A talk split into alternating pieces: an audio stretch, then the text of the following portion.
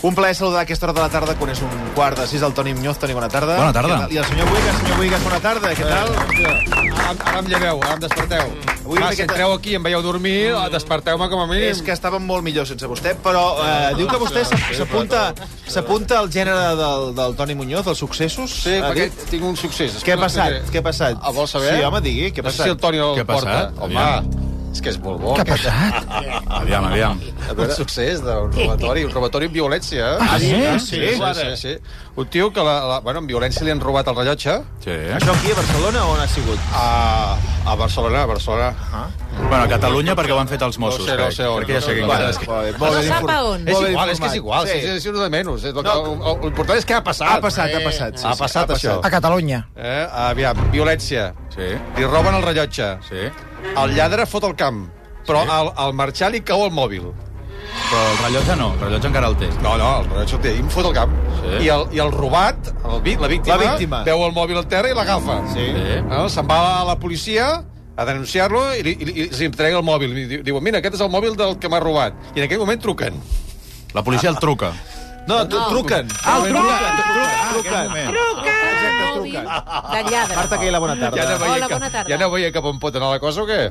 Bueno, no sé. I a qui veure. era? Era el lladre que, que preguntava on estava el mòbil. Sí. La policia diu, sí, està aquí, ven-lo a buscar. I el va buscar. I queda detingut, està a la presó. Ha passat a Ciutat Vella, eh? Barcelona, senyor Buigas. És tota d'ella, sí.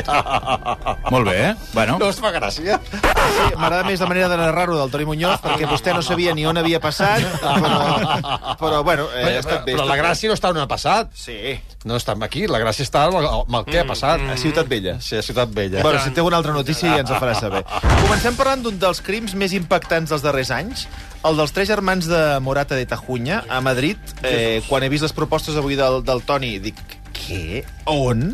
Morata de Tajunya. Aquest matí un home s'ha entregat a la Guàrdia Civil d'Arganda del Rei i ha confessat haver-los assassinat. Eh, comencem posant una miqueta de context de què va Sí. passar i com s'ha com s'ha entregat aquest presumpte autor. sí, la veritat és que normalment no tractem aquest tipus de casos de fora de Catalunya perquè ens queden una mica lluny i No, i perquè potser no aquí tenim... en tenim per triar i per tenim vendre. dir Exacte. que Però anem he de dir que servits. aquest crim és un dels, en fi, dels que més m'ha impactat perquè és cruel i és molt, molt trist per com veureu ara que s'ha produït i tot el que ha passat. Recordem, dijous passat van aparèixer, el, la Guàrdia Civil doncs, va trobar els cadàvers de tres germans que vivien a una població a 40 quilòmetres de Madrid que es diu Morata de Tajunya. Sí. Van aparèixer eh, els tres cadàvers de l'Amèlia, l'Àngeles i el Pepe. Eren germans, tenien de 71 a 79 anys cadascun. És a dir, eren gent gran, eren solters. Les dues germanes, eh, una havia estat professora, l'altra havia treballat en una botiga d'antiquaris i, el, i cuidaven del seu germà que tenia una discapacitat psíquica.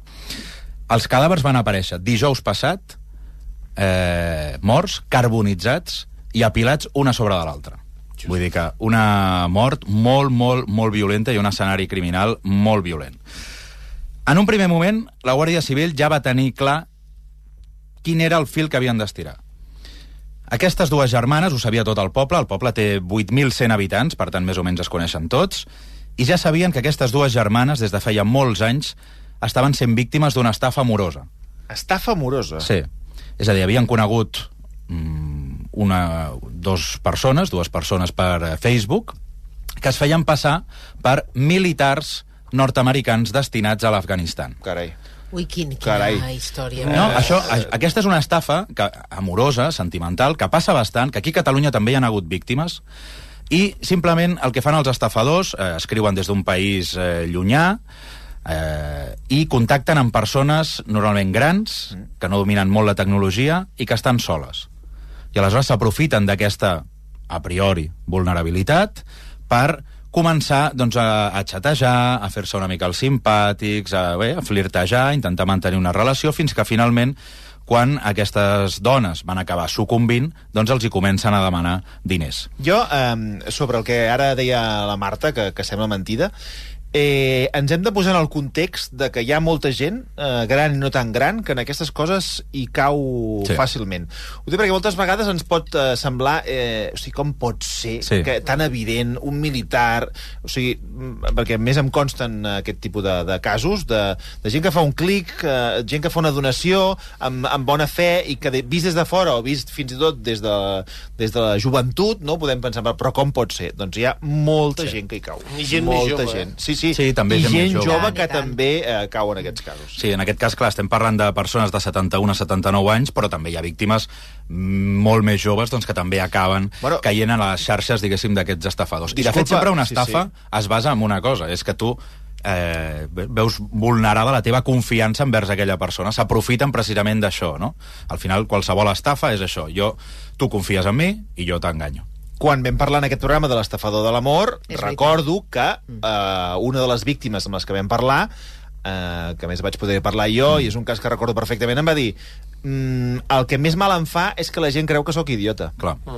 I tinc estudis universitaris, eh, sóc una persona em, em relaciono amb gent, eh, vull dir, no estic tancada a casa i, i, vaig, i vaig, vaig, vaig, vaig caure, i vaig caure. En el cas de l'estafador de l'amor, la diferència, diguéssim, és que ell, la, la dona en aquest cas, sí que veu l'estafador, conviu, té una relació de veritat, no? O, o presumptament de veritat, no? O es creu que és de veritat, però tu el veus, no? En aquest cas és una estafa virtual. Era tot online, Tot tot, el online. contacte que tenien ells. Tot per, per via Facebook, no? I aleshores anaven xatejant, aleshores s'anaven anaven avançant en la seva relació fins que arriba un moment doncs, que li va demanant diners per a veure si pot costejar-se un viatge per veure-la, eh, és a dir, va alimentant aquestes esperances de trobar-se algun dia, no? Clar, la, el, el que passava d'aquest eh, d'aquest cas és que les dues germanes estaven sent estafades amb aquest mètode, tot el poble ho sabia, però ningú les va poder ajudar. Elles, va arribar un moment doncs es calcula que van entregar amb aquests dos estafadors 400.000 euros. Jesús. Ostres, Van estar- És increïble. Van estar durant 7 anys donant diners amb aquests suposats militars eh, estadounidencs fent transferències, fins al punt que, podem dir, la menjada de coco era tan gran que eh, bueno, cada vegada que rebien la pensió de jubilació automàticament anaven a un caixer Ai, i la transferien pobres. Sí. cap a la, qui pensaven que era la seva parella. I és curiós perquè dius que el, seu entorn, que seria el, el, el poble, El poble. Eh, bueno, mm, entenia que això era una estafa, però no va haver-hi manera de... de... No, es veu que era impossible raonar amb elles. Els anaven dient, escolta, vigila, que això és una estafa, que és claríssim. I elles cada vegada que sentien això, es tancaven en banda. Sí que, per què ho sabien tant, això? Doncs perquè primer elles feien ostentació de tenir una parella que era un militar eh, nord-americà, Clar. i també doncs perquè elles, al final, quan ja anaven demanant, anaven demanant més diners a la, a la, gent- recurrentment a la gent del poble, fins al punt doncs, que a les seves amigues havien demanat eh, transferències o diners, més de 3.000 euros de tant en tant a les seves amigues. No? Aleshores, clar, davant d'aquesta situació, quan el passat dijous es troben els cadàvers de l'Amèlia, l'Àngeles i el Pepe, a partir d'aquí tots els veïns diuen, clar, això el que pot ser és que mm, hi ha alguna persona a qui li devien diners i aquesta persona a qui li devien diners doncs els ha matat. Clar, aquest és un fil doncs, que van començar a estirar i hi havia un candidat que tothom coneixia, que era una persona que havia viscut en aquesta casa. Es deia, bueno, es diu Dilawar Hussain, que és un home doncs, d'origen pakistanès però nacionalitat espanyola, 43 anys, que aquí aquesta família, aquests ja, tres germans, van llogar una habitació precisament per començar a tenir alguna de diners mm. quan ja pràcticament no en tenien ni cinc. S'ha de dir que aquestes persones, aquestes germanes, es van vendre, és a dir, van donar en efectiu o en transferències uns 400.000 euros i també es van vendre un pis que tenien a Madrid per també pagar amb aquests militars eh, nord-americans, els estafadors. I ara sembla ser doncs, que també estaven a punt de vendre un apartament que tenien a la platja també per donar-los tots els diners. I tot això, insistim, online, eh? És a dir, Tot això online, una eh? confiança cega i, com deia el Toni, una menjada de, de cocut tremenda. Sí, a part hi havia diversos indicis que, que no hem comentat, però que crec que, clar, des de fora es veu molt fàcil, no? Quan tu estàs atrapat en una estafa d'aquest tipus, doncs és molt més difícil de veure-ho. Però les fotografies que elles ensenyaven al seu entorn eren fotografies extretes d'internet. És a dir, que jo crec que si De tu Google, poses... Google, militar és Google. Sí, tu poses Imágenes. militar eh, norteamericano i és possible doncs, que trobis la foto que aquestes germanes presentaven com la seva parella, no? Aleshores, eh, bé, hi havia una, una persona que van llogar la- l'habitació de, de la casa, que era aquest senyor que es diu Dilawar Hussain, mm. que eh, els hi va deixar 60.000 euros. Va fer de prestamista, els hi va deixar 60.000 euros. Aquest eh, senyor tenia un locutori i també una botiga d'alimentació a Arganda del Rei i llogava aquesta habitació. I aquí, un cop revisant Que és estrany, també, perdona, eh? Que amb 60.000 euros llogués una habitació... No, no se us fa una mica és una estrany? mica estrany, sí. que tenint diners, un locutori, mm. tenint un negoci, estigués llogant una habitació en Però- una casa... Però potser no eren seus, potser li havia deixat algú, també hi ha... Eh, Ja. Aquesta gent també a vegades treballant en xarxa a nivell econòmic, vull dir que es cedeixen els diners. I també perquè estem parlant d'un poble. És a dir, a lo millor li interessava, per la raó que sigui, sí. establir-se en un lloc on hi hagués una certa comunitat, no una gran ciutat. Eh, no sé. Bé, i aquest Això, senyor tenia dos antecedents penals relacionats amb les germanes. De fet, al gener del 2023, ara fa un any, va ser detingut aquest home per etzibar-li una bufetada a l'Amèlia, que era la menor de les germanes. Val? Em sembla que havien tingut una discussió, li va clavar una bufetada, van trucar a la policia, el van detenir, però finalment doncs, la família, les germanes, van decidir no presentar càrrecs i aleshores es va arxivar aquest assumpte. Però un mes més tard, el 24 de febrer del 2023, aquest senyor va esperar a l'Amèlia i a la seva germana a que arribessin a casa i quan estaven a punt d'arribar doncs les va abordar pel carrer i va començar a etzibar-li cops amb un martell Ostres, contra aquesta dona. Una de les hipòtesis és que potser ja li havien deixat els diners i aquest senyor volia cobrar i per això va reaccionar d'aquesta manera tan agressiva. Per aquell cas sí que va ser, sí que va ser detingut, mmm, va ser engarjolat, la fiscalia li demanava 4 anys de presó, però finalment van arribar a un acord amb les germanes, ell va acceptar una pena de 2 anys de presó, i al setembre va quedar en llibertat, va sortir de la presó d'Estremera. I sembla ser doncs, que ara fa un mes, perquè clar, s'ha de dir que els, els cadàvers es trobaven en avançat estat de descomposició i són els veïns qui després d'un mes sense veure eh, les germanes i el germà truquen a la policia i diuen, escolta, fa un mes que no veiem eh, aquestes senyores i el seu germà. Bueno, potser... Potser els hi ha passat alguna Sí, cosa. potser ha passat alguna cosa. Potser haurien d'haver reaccionat mm. abans, no? Perquè un, un mes, mes en, en, en, el, en el que és l'àmbit d'un poble, ho trobo És molt. molt, És molt, molt. És molt. Doncs, en fi, van, clar, veien les, les, les persianes abaixades eh, i bé, doncs al final la Guàrdia Civil, dijous passat, van entrar a casa dels eh, germans Gutiérrez Ayuso, que així és com es deien, i van trobar doncs, els cadàvers carbonitzats d'aquest- d'aquesta família, no? I clar, quan ja tenien, diguéssim, un primer sospitós, ahir a la tarda, a la caserna d'Arganda del Rei, doncs es va presentar aquest senyor i va dir, he estat jo. Jo vaig ser qui va matar els tres germans.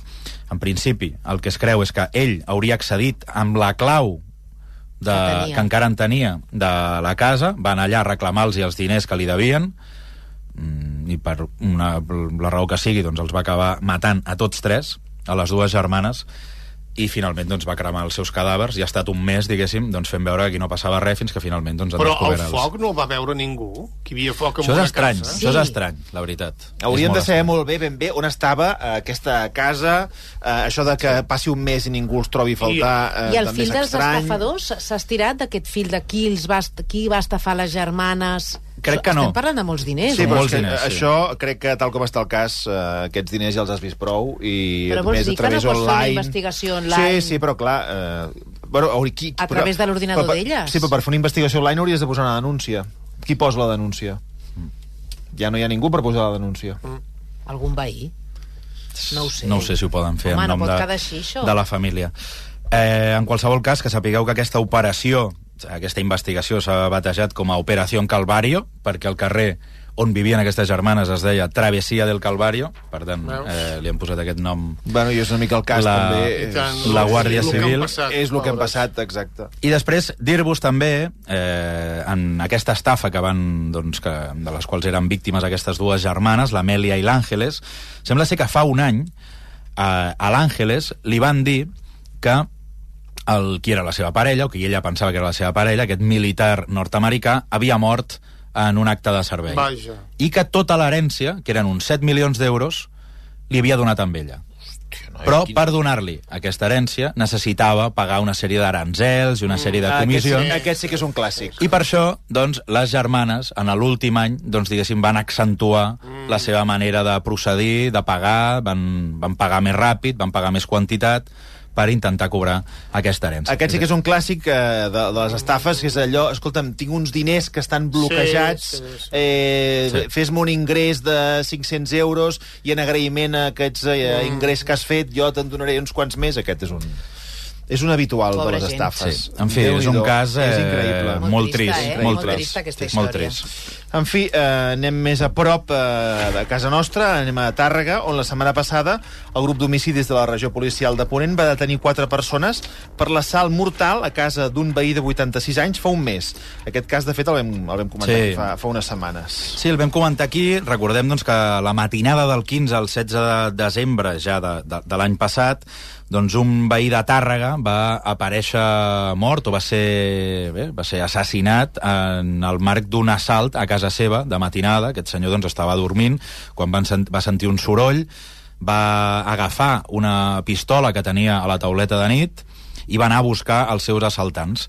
I sembla ser doncs, que enmig d'aquesta baralla o d'aquest assalt, doncs, els seus assaltants el van disparar per l'esquena. En aquell primer moment, doncs, eh, clar, es parlava també amb les persones del poble, la gent de Tàrrega, no? i deien doncs, que aquesta persona era molt coneguda perquè amagava diners a casa, no? Amaga- Amagava o tenia molts diners a casa, tenia joies, i això era una, una informació doncs, que corria entre els veïns i que podia haver arribat a les mans equi i a les oïdes equivocades. El, No? els pobles... Eh, No ho has de dir mai, Els pobles, no eh, segons quines informacions, Home, no. les carrega el diable, eh? I ara? Hi ha un boca-orella i Ja. aquest és el que guarda els diners a no sé on, se Exacte. sap tot al final, sempre. Doncs clar, aquest semblava ser no, que era el, el, el motiu que s'amagava al darrere, no? Eh, robar amb aquest senyor que presumptament tenia diners i els tenia amagats a casa, no?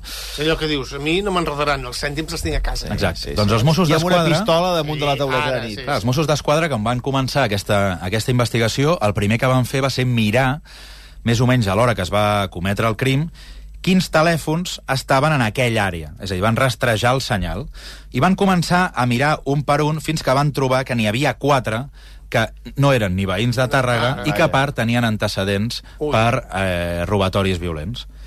Van començar a investigar i, finalment, la Fixa't. setmana passada van detenir Troben tot ara, eh? a quatre persones eh, d'origen dominicà que, eh, bé, van venir de Terrassa, dos d'ells estaven afincats a Terrassa, dos d'altres van venir de fora, i que no coneixien de res aquest senyor, però que els havia arribat aquesta informació de que Fixa't. aquest senyor Fixa't, tenia clar. diners i es van desplaçar fins a Tàrrega ja tenint un objectiu, sabent a quina casa havien d'entrar, malgrat que no coneixien de res aquell senyor. D'on van rebre aquella informació? Això de moment segueix sent un interrogant, però... D'on va sortir ho tenim bastant clar. No, però devia sentir el bar. El Sí, bar. per això, va tu eres devia bar, sortir del poble, mira. del poble, d'algú del poble que ho xerrado este, massa. Fíjate clar. este, vamos a seguirlo, vamos por aquí, mira, mira dónde vive, i ja està. Perquè ara sembla que el perill està a les xarxes. A les xarxes no posis no sé què, i resulta que el poble ja...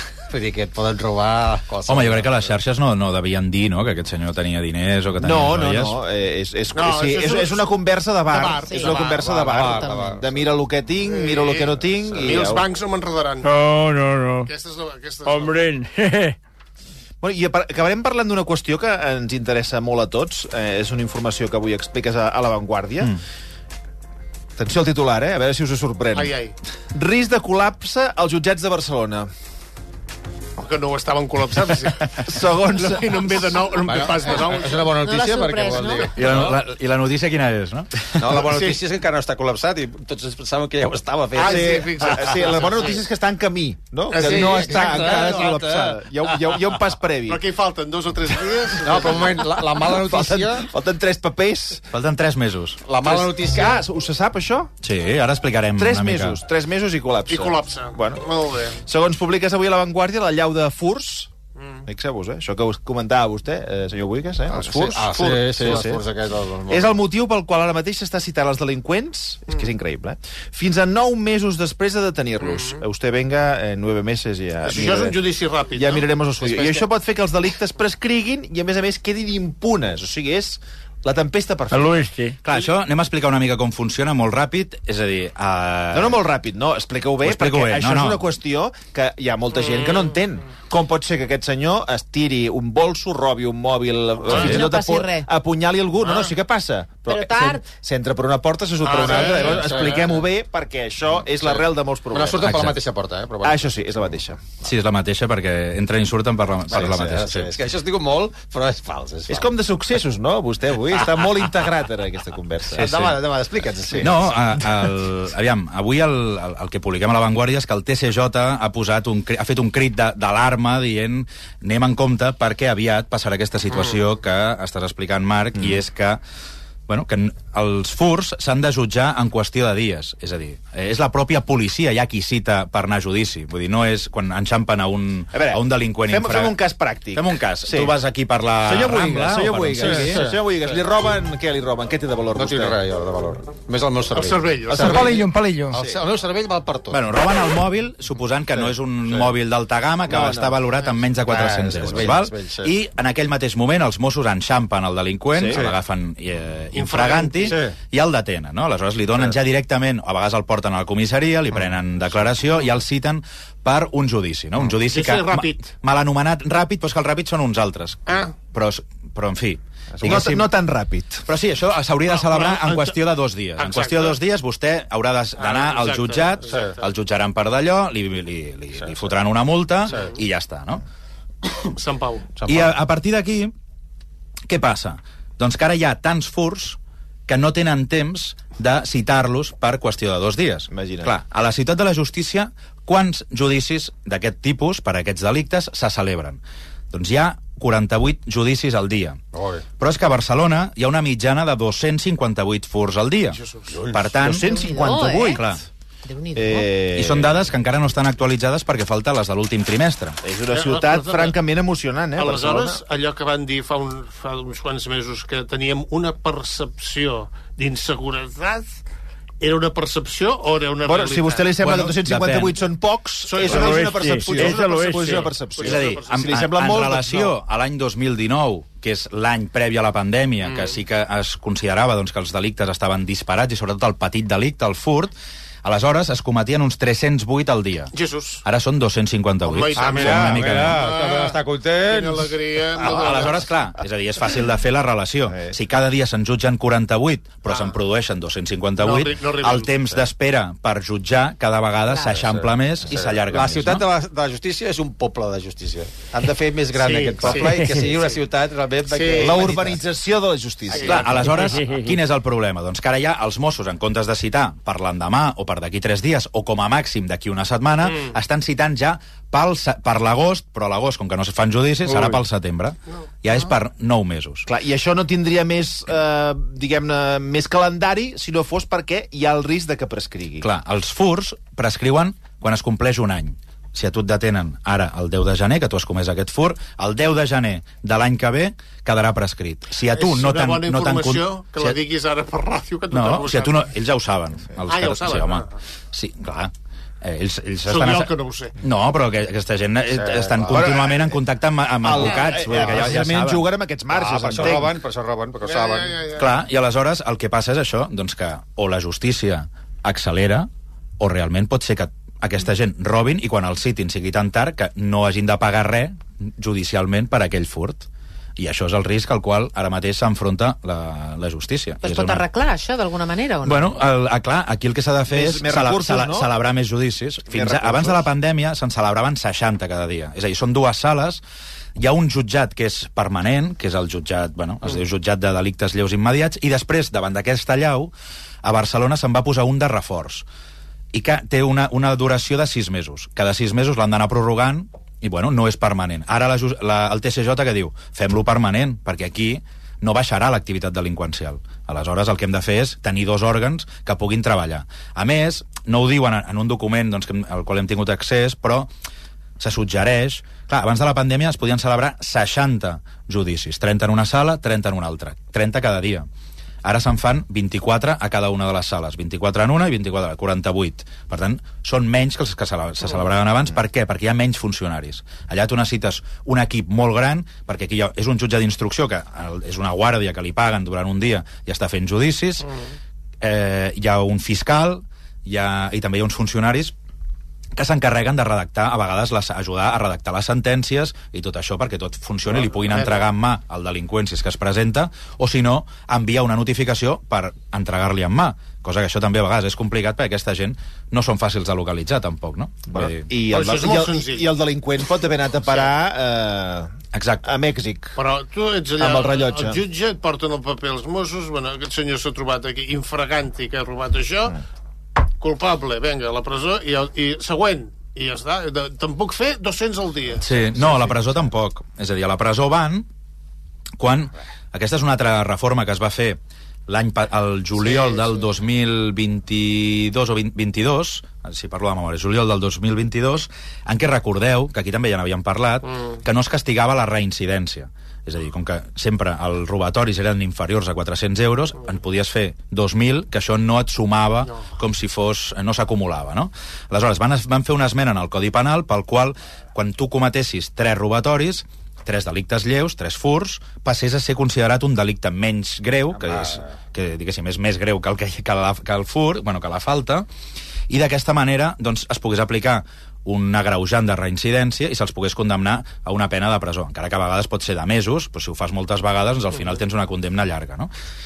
Què va passar? Doncs que en aquesta esmena es va posar una condició, i és que eh, per afegir aquest agreujant de reincidència els objectes robats de les tres causes ha de ser superior a 400 euros. Imagina't. Quin és el problema? Doncs que a les sentències o en el registre d'antecedents penals moltes vegades no es posa quin era l'import de la quantitat robada. Ai, a veure, eh, va. eh, eh, és l'última ja aquesta, eh? Clar, però aleshores ara què han de fer?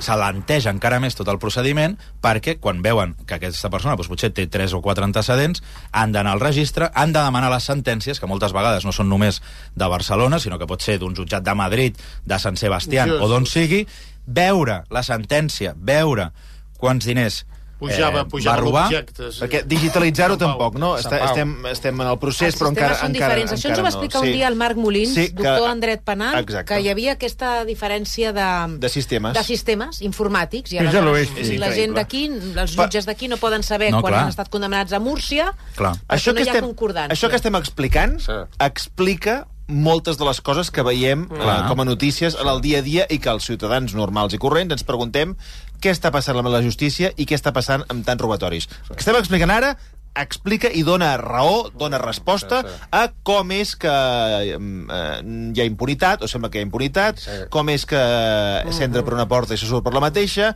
com és que no passa res. És la resposta tant, a com no és, que no passa res. No Home, la, les dades ens semblen indicar que, que no és una percepció. La- Eh, L'altra qüestió també mm, doncs és que o posem més recursos o aquesta situació Jo arribarà el. Toni Muñoz d'aquí tres mesos i ens dirà ja el risc de col·lapse ja no és, ja hi ha el col·lapse. I ja. I també, pregunta. un moment, senyor Boigues, ara, ara és molt important el que he de dir. I tant. Val, val, doncs esperi És un moment. bàsic, és bàsic. Esperi un moment. També el que t'anava a dir és que eh, si tu ets lladre i fas una miqueta de càlculs, doncs no és que et surti gratis, però si calcules que el valor ha de ser menor de 400 euros, no? Eh, Sí. Sí, la suma, eh? La La suma. suma, la suma dels tres delictes. Sí. Me- eh, Menys de 400 euros. I tenint en compte quan et tocaran a declarar, que potser serà, doncs, eh, vés a saber quants mesos de...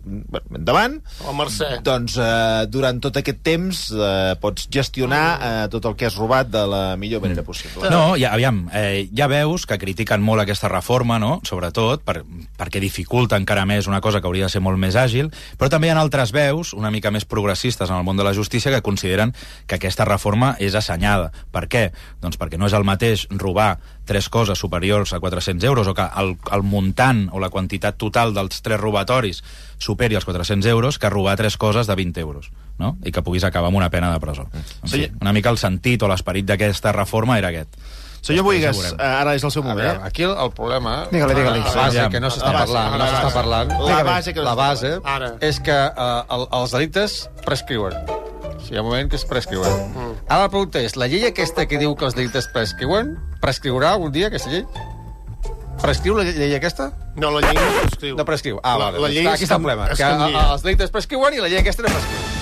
Les coses negatives prescriuen Sí, sí, sí, i la sí, cosa sí. positiva... No piqui a la taula. Clar, però és que al final, si no, prescriu, si no prescriu res, aleshores la justícia sí que, sí que estarà col·lapsada, perquè no podrà assumir tantes causes. Ah, Ara, si va, estiguéssim jutjant un furt de l'any eh, Ah. 1972... De Caïm i Abel. Ja, doncs el que podem fer doncs, és mira, no- no detenir ningú més. Podria i així ser. no col·lapsarà. No detenim mm. ningú, deixem que robin, i ho robin tot, i cadascú, saps? I vinga, mm. Podri- tot, tonto l'últim, saps? Pod- Podria ser que això fos una maniobra Aviam. del tsunami democràtic per col·lapsar la justícia espanyola. És que no cal que sigui una maniobra. Ja No, es, no, no, es col·lapsa no. sola, Col·lapsa ja, sola, la sí. justícia. Eh, El, el càlcul aquest que deies, Toni, de 3 mesos, eh, és a dir... No, clar, és a dir, ara hem d'esperar que es vagin saturant fins que, jo crec, quan vegin que estan citant per d'aquí a 11 mesos, Mm. Clar, aquí ja... aquí ja sí que es posaran les piles. Perquè això ja va passar fa 3 anys, que ja hi havia tal allau de, de furs doncs, que estaven desbordant completament els jutjats i aleshores van posar doncs, a fer més torns, a fer més judicis per intentar aixugar aquesta, aquesta demanda, entre cometes. Clar, tu has explicat que abans de la pandèmia es feien, ja en aquests dos jutjats, 30 judicis i 30 judicis, Mm. 60, ara se n'estan fent 24 i 24, 48, perquè ja has dit menys funcionaris. Perquè no en posen més. Oh, clar, és a dir, no. si ja ho estan veient... Oh, clar. O que allarguin, que allarguin el que prescrigui. Bueno, clar, però això és una potestat de la, de la Conselleria de Justícia, també ho han de veure pertinent.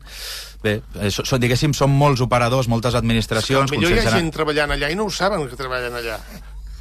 Ara els hi ha passat això, han trobat 300.000 Ah, sí? funcionaris Sí, sí. han trobat 300 que no sabien Si, que els fa, tenien. si fas números, perquè no Digui, col·lapsi, hauria de prescriure al cap de dos minuts. Cap de dos minuts d'un delicte, prescrit. I ja està. És No, el, el, aquí el tema també és que eh, qui es dediquen a fer aquests judicis anteriorment anomenats de faltes, que és una cosa molt senzilla, són jutges d'instrucció. És a dir, el, el jutge del cas Palau, per exemple, Sí. hi havia un dia a la setmana doncs, que l'havia de dedicar a fer aquests judicis que són molt senzills.